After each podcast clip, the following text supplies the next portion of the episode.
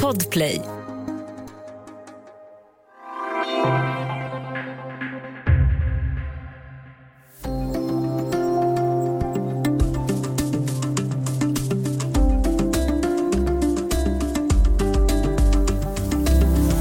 Larm om ohållbara arbetsförhållanden har lett till att mängder av barnmorskor sagt upp sig från sjukhus i Stockholm.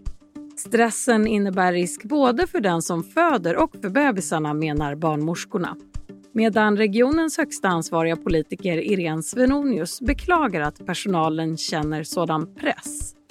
Hur hamnade förlossningsvården i Sveriges största region i det här läget? Välkommen till Studio DN. Jag heter Ylke Holago.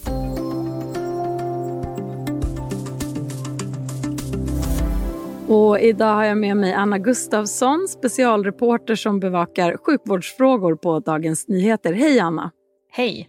Stockholms barnmorskor har ju under flera år larmat om sin arbetssituation. Hur beskriver de sin situation och läget på förlossningsmottagningarna? Ja, de beskriver ju en väldig otillfredsställelse eh, med en enorm eh, tidspress när de tvingas springa mellan flera eh, pågående förlossningar och därför inte kan riktigt koncentrera sig på den eh, födande kvinna som de är inne hos för att det pågår någonting på andra sidan dörren. Så de, på, de beskriver liksom en, en stor etisk stress när de inte kan utöva sitt yrke och få, få kvinnan i den här ner, ner kvinnan i den här lugna eh, kontemplativa tillståndet som är det idealiska när man ska föda barn eftersom själva miljön runt omkring är så pressad. Och så beskriver de också hur att det är så pass eh, tajt eh, och ofta fullt på förlossningsklinikerna i Stockholm så att de måste mota mammor eller snarare det kanske är partners som ringer och Eh, när det är dags för kvinnorna att komma in och föda och därför så måste få kvinnor stanna kvar länge hemma och, ha, och det kan ju också vara ganska mycket förknippat med ångest och ovisshet eftersom det, om det inte finns eh, plats och de liksom måste vänta på när verkarbetet redan är igång och inte känner sig riktigt omhändertagna. Och eh, den här situationen beskriver de också att den har eskalerat i och med pandemin. Jag pratade med en barnmorska som har precis sagt upp sig, upp sig från Danderyds förlossning.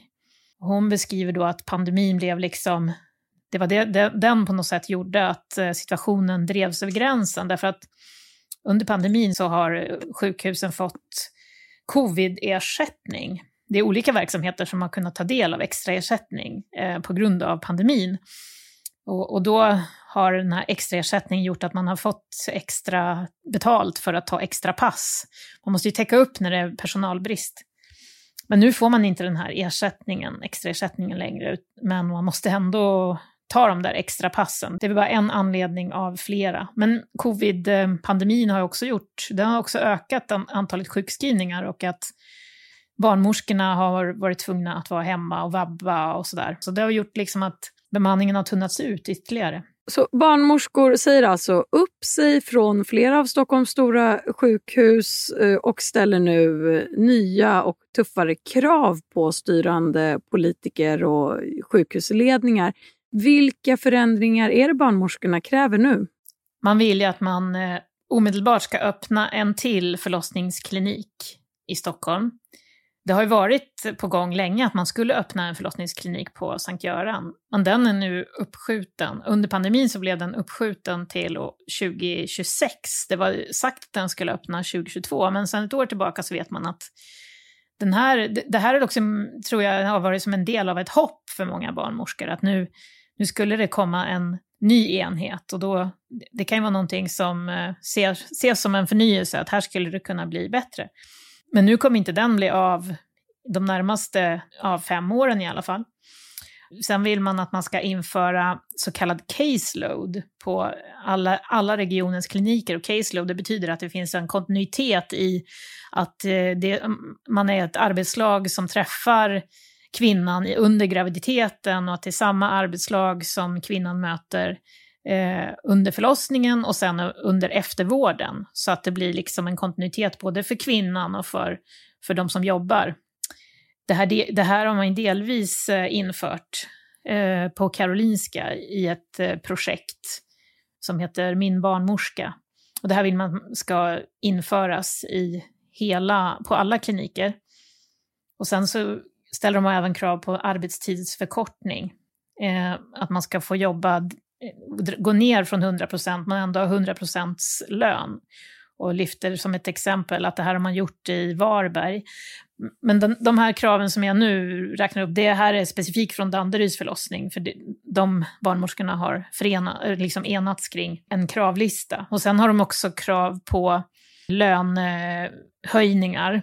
Men vad ligger barnmorskelöner på? I Stockholm så ligger de i snitt på drygt 40 000, 40 500. Och eh, 39 000 är, är det som är grundlönen i, eh, i riket. Så i Stockholm så ligger ju ändå lönerna för barnmorskor relativt högt. Men hur lång utbildning har en barnmorska bakom sig? Barnmorska är en, det är en påbyggnadsutbildning på utbildningen. Så först har man en grundutbildning på, som sjuksköterska på tre år. Och sen måste man ha jobbat ett år som sjuksköterska minst för att vara behörig till sjuksköterskeutbildningen och den är då på tre terminer. Så man kan säga att det är fyra och ett halvt år och vilket ansvar har en barnmorska och, om, i relation till till exempel en läkare? Hur, eh, hur mycket ansvar förväntas eh, man ta och vilka risker finns det inblandade?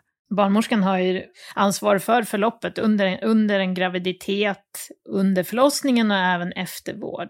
Men det som skiljer eh, barnmorskorna det är att de jobbar, liksom med, de jobbar inte bara inom förlossningsvården utan de jobbar även med kvinnohälsa som, ja, som gäller sexualfrågor, alltså reproduktion, och preventivmedel och även med kvinnor efter, alltså efter barnafödande ålder. Så, så det är liksom under hela livet. Men det som är väl skillnaden med eh, en förlossningsläkare har ju ansvaret för de förlossningar som kommer liksom också in i bilden under förlossningen när det, när det är komplikationer. Medan eh, barnmorskorna har ensamt ansvar för för normalförlossningar och, och när det blir komplikationer så måste läkaren, förlossningsläkaren träda in. Men om det är, inte är komplikationer så är ju läkarens roll väldigt liten i svensk förlossningsvård. Högsta ansvariga politiker är Region Stockholms finansregionråd Irene Svenonius. Hur har hon svarat på den här kritiken från barnmorskorna? Hon har ju sagt att det är eh, bekymmersamt, har hon sagt. Att eh, barnmorskorna upplever att arbetsmiljön är så tuff. Det tar hon på största allvar, har hon sagt till Sveriges Radio. Irene Svenodis har ju inte uttalat sig i DN i den här frågan. Du har sökt henne? Ja, vi har sökt henne i över en vecka. Nu har hon gett en skriftlig kommentar. Och vad står det i den? Ja, men den handlar, det handlar specifikt om att oppositionen i regionen, Vänsterpartiet och eh, Socialdemokraterna har krävt ett extra möte i regionstyrelsen med anledning av den här förlossningskrisen. Och då har hon svarat att det är klart att eh, de ska få sitt möte. Givetvis kommer vi ordna ett möte åt oppositionen. Det som är vårt eget fokus just nu är att ge alla tillgängliga verktyg till vår förlossningssamordnare för att förbättra bemanningen på förlossningsklinikerna. Samordnaren, som också är barnmorska, arbetar för fullt tillsammans med sjukhusledningar och fackliga företrädare för att så snart som möjligt kunna presentera lösningar på bästa som på bästa sätt kan ge förlossningens medarbetare en bättre arbetsmiljö och fler kollegor, säger Irene Svenonius i det här uttalandet. Och vi ska lägga till att det här är, det är på tisdag som vi spelar in det här avsnittet. Så att eh, för den som lyssnar senare i veckan. Ja, precis. Och då kan det vara bra att veta att eh, regionen i slutet av förra veckan tillsatte en förlossningssamordnare på förvaltningen mot bakgrund av det uppkomna läget när så många barnmorskor har sagt upp sig och eh, samtliga eh, chefsbarnmorskor på SÖS har sagt upp sig och två på Danderyd. Och som finansregionråd, vad, vad innebär Irene Svenonius roll? Vilken del av barnmorskornas kritik landar på hennes bord? Ja, man kan ju säga så här att Irene Svenonius hon har ju det högsta ansvaret i, i landstinget. Eftersom hon är finansregionråd så är hon liksom den högsta ansvariga politikern. Men så hon har liksom ett övergripande ansvar över all verksamhet. Men hon har specifikt också ett eh, ansvar för personalförsörjningen. Så på det sättet så är det här en, det är liksom inom hennes ansvarsområde. Annars kan man ju säga att eh, Finansregionrådet har ju just ett övergripande ansvar. Och Irene Svenonius brukar ju poängtera att politiker ska inte gå in och detaljstyra i verksamheterna, eller de ska ju inte styra verksamheterna, utan det ska ju verksamheterna göra. Och att politikernas roll är att ge tillräckliga resurser, alltså budgetförutsättningar, men även att de pekar ju även ut en, en, en riktning. Liksom. Men eh, nu har det ju rent politiskt också förts upp på hennes bord i och med att oppositionen begär ett extra möte i regionstyrelsen, som de har rätt att göra. Vi ska ta en kort paus och sen prata vidare om finansregionråd Irene Svenonius och Stockholms barnmorskors kritik mot sina arbetsförhållanden.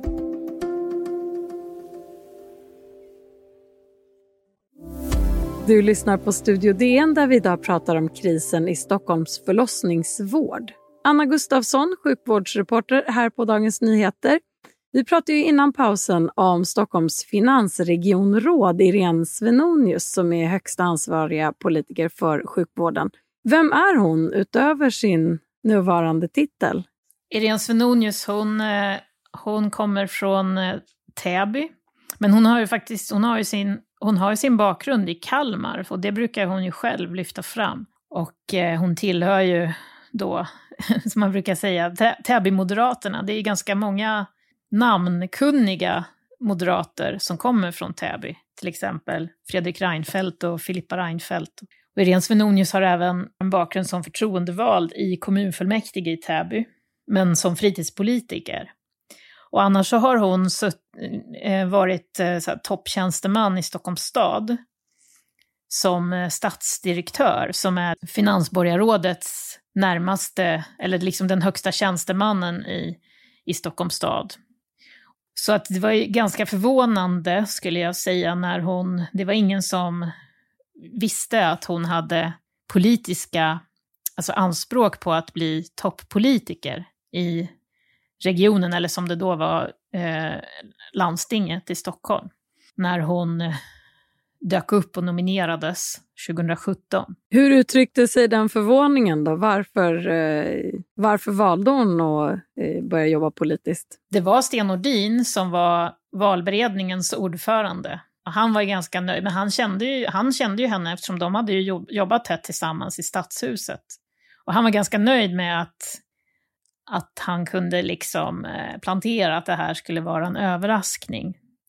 Det fanns ju de som trodde att eh, Filippa Reinfeldt var ett namn, en kandidat, att hon liksom skulle göra comeback här. Men vad gjorde hon innan hon började jobba politiskt? Vad har hon eh, haft för andra jobb och vad är hon utbildad inom? Hon är ekonom och det är därför som hon satt i stadshuset. Alltså i stadshuset så var hon ju Alltså så var hon ju den högsta tjänstemannen. Hon var ju inte, då, var, då var hon ju inte politiker. Och det var därför det var överraskande att hon blev politiker. För det var ingen som, det var ingen som tänkte på henne som en potentiell eh, alltså kandidat för att bli landstingets då mäktigaste politiker. Ja, men, hon, men samtidigt så var hon ju då aktiv i Täby-moderaterna och sen när hon tillträdde så, då, så fick hon frågan, eftersom hennes man jobbade i landstinget, så fick hon frågan om, om det fanns någon risk för att det skulle kunna uppstå någon intressekonflikt här, en eventuell jävsituation. Och då sa Irene Svenonius, när jag ställde den frågan, att det var ingen risk, för att han befann sig långt ut i landstingets kapillärer. Så. Och sen fick ju Irene Svenonius stor uppmärksamhet när turerna kring bygget av Nya Karolinska sjukhuset rullades upp. Och du har ju själv granskat den affären och skrivit boken Konsulterna kampen om Karolinska tillsammans med Lisa Röstlund. Kan du berätta lite mer om den kritiken som kom den gången mot Svenonius i den här Nya Karolinska affären? Ja, det, det var ju så att igen, det, det, som var lite, lite speciellt, det var att hon, hon fick den här rollen därför att Moderaterna ville ha en person som inte var, hade, hade det här arvet av att ha planerat Nya Karolinska, som redan då hade blivit en, liksom en belastning för Moderaterna, för att det här, det här bygget eh, Nya Karolinska har ju beskrivits som världens dyraste sjukhus. Och eh, Moderaterna hade behov av en, en politiker som inte var liksom behäftad med, med det här eh, skandalbygget, så att säga, som ju sträckte sig ganska långt tillbaka i tiden. Eh, och, och Irene Svenonius var inte det, eftersom hon, var ju inte, hon hade ju inte haft, hon hade ju inte sin bakgrund i toppolitiken, så att säga, utan, utan som tjänsteman och ekonom. Men eh, istället så, när eh, vi i DN började granska Karolinska så var det inte själva bygget som vi eh, som var föremål för vår granskning, utan det var ju Karolinskas eh, omorganisation som man gjorde då tillsammans med konsulter och inte minst så köpte man in då konsulttjänster från Boston Consulting Group som ville göra Karolinska till ett eh, flaggskepp för sin vårdmodell, värdebaserad vård. Och det vi kunde då i DN avslöja var att de fakturer som Boston Consulting Group skickade, det var på enorma belopp, det var på, på miljonbelopp och att många av dem saknade riktiga underlag. Och det var också konstigheter runt den upphandling som hade gjorts när, Carol när Boston Consulting Group vann det här uppdraget. Och den som hade suttit och, och, och var ansvarig för upphandlingarna, det var just Irene Svenonius man, Jan Svenonius. I den här eh, vevan, så att säga, så förde eh, oppositionen fram ett krav på att man skulle granska konsultinköpen på, nya, på Karolinska och då motsatte sig Irene Svenonius det. Då var det experter som, som sa att eh, Irene Svenonius var jävig eftersom hennes man hade suttit och varit då ansvarig, eller delansvarig för, för de här inköpen. Eh, och eh, landstinget beställde en egen extern juridisk eh, granskning som visade just att hon var jävig. Så det var den skandalen. Hon sa att hennes man fann, befann sig långt ut i landstingets kapillärer och sen, ja, han var inte så på ytterkanten kan man säga. Och senare så har de fått eh, kritik igen då för eh, till exempel hur eh, Region Stockholm har hanterat pandemin och nu barnmorskeupproret. Du som har följt Irene Svenonius länge, vad, vad är det som gör att hon klarar de här politiska kriserna och kritiken? Vad är det hon har för strategi? Ja, eh, hennes strategi är väl att hon, hon framstår ju som ganska oberörd över den här, av den här eh, kritiken som hon får och hon, hon framför ju att den majoriteten i, i regionen genomför en vård som inte styrs av politiker, att Region Stockholm har korta vårdköer för att man eh, alltså driver frågan om valfrihet för stockholmarna med många vårdgivare och att vården ska bedrivas nära stockholmarna. Snarare än att det är politiker som ska styra. Och eh, hon försvarar ju också eh, att eh, det är inte på sjukhusen, akutsjukhusen framför allt, som vården ska bedrivas, utan inriktningen är ju att vården ska flytta ut utanför akutsjukhusen. Och då säger hon att den ska bedrivas nära patienterna som god och nära vård, som också är det nationella projektet för, för svensk sjukvård. Men det hon inte, och, det, och, det, och kritiken som hon får då, det är ju att i Stockholm så har den här utvecklingen mot det man säger god, god, god nära vård eh, mest, eller snar, snarast betytt, enligt kritiker, betytt att akutsjukhusen har fått mindre resurser och vård har flyttat ut i, till privata vårdgivare i, i eh, de så kallade vårdvalen. Och inte så mycket till vårdcentralerna, som är ju den, den framförallt den goda nära vården som man vill att befolkningen ska söka vård. Nu har vi fokuserat mycket på förlossningsvården specifikt i Stockholm just och kommit in lite på både rikstäckande projekt och frågor för vården eh, men också andra områden. Eh, vad, vad, säger den här situationen som pågår just nu med just barnmorskorna i ett större riksperspektiv? Vilka lärdomar kan andra regioner dra av den här krisen? Ja, jag tycker att, jag vet inte om det, om det finns några lärdomar att dra. Stockholm är ju väldigt speciellt på det sättet att det finns ju, här finns det ju väldigt många akutsjukhus ändå. På många andra ställen så det, har ju, det är ju ganska upprört just kring förlossningsvården, inte bara i Stockholm. Eh, så det blossar liksom den här frågan upp. Ett, ett exempel är alltså, så, så, så, snart man också vill lägga ner en förlossningsklinik, vilket det varit fallet till exempel i, i Örebro, där, man har, där det har varit enorma protester för att man ville lägga ner förlossningskliniken i Karlskoga, eh, som ligger då några mil utanför Örebro. Och, eh, och där har ju politikerna fått ge, de har fått ge vika. Eh, det här handlade också om patientsäkerhet, en sån, en sån twist kan man säga.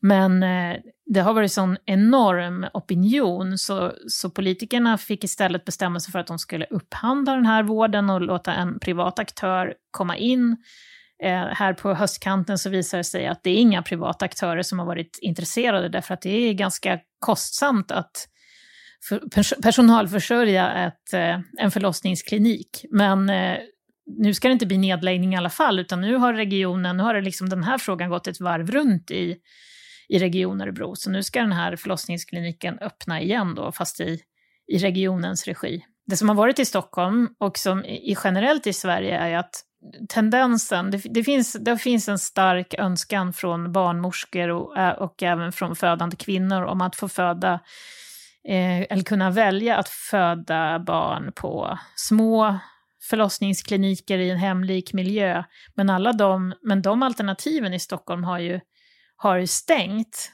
Därför blir det också som Södersjukhuset nu, där det är ver ver verklig kris, sker, sker 8000 förlossningar per år. Och det är ganska mycket om man jämför då med lilla, den minsta förlossningskliniken där det är runt 2000 födslar eller drygt per år. Så slutligen, Anna Gustafsson, vad tror du kommer att hända härnäst i frågan om barnmorskorna, uppsägningarna och deras kritik? Ja, någonting måste ju hända, alltså någonting radikalt, för den här situationen som är nu, den är otroligt oroande eh, att eh, barnmorskorna säger upp sig. Alltså det, det, har, det har ju pågått diskussioner, protester tidigare och även fackliga aktioner, upp, uppvaktningar och så vidare. Men att så många säger upp sig samtidigt, det har ju inte hänt. Och det finns faktiskt inga reserver. Det finns ingen annanstans man kan ta de här barnmorskorna. Utan nu måste, nu måste det hända någonting. Det måste komma förslag för att förbättra deras arbetsmiljö. Jag tror lönefrågan är, den är ganska underordnad när man pratar med eh, barnmorskorna. Tack så mycket Anna Gustafsson, specialreporter som bevakar sjukvårdsfrågor på Dagens Nyheter. Om du vill kontakta oss så går det bra att mejla studiodn dn.se. Studio DN görs för Podplay av producent Palmira Kokari Menga. Ljudtekniker Patrik Misenberger, teknik Oliver Bergman på Bauer Media och jag heter Ylke Holago.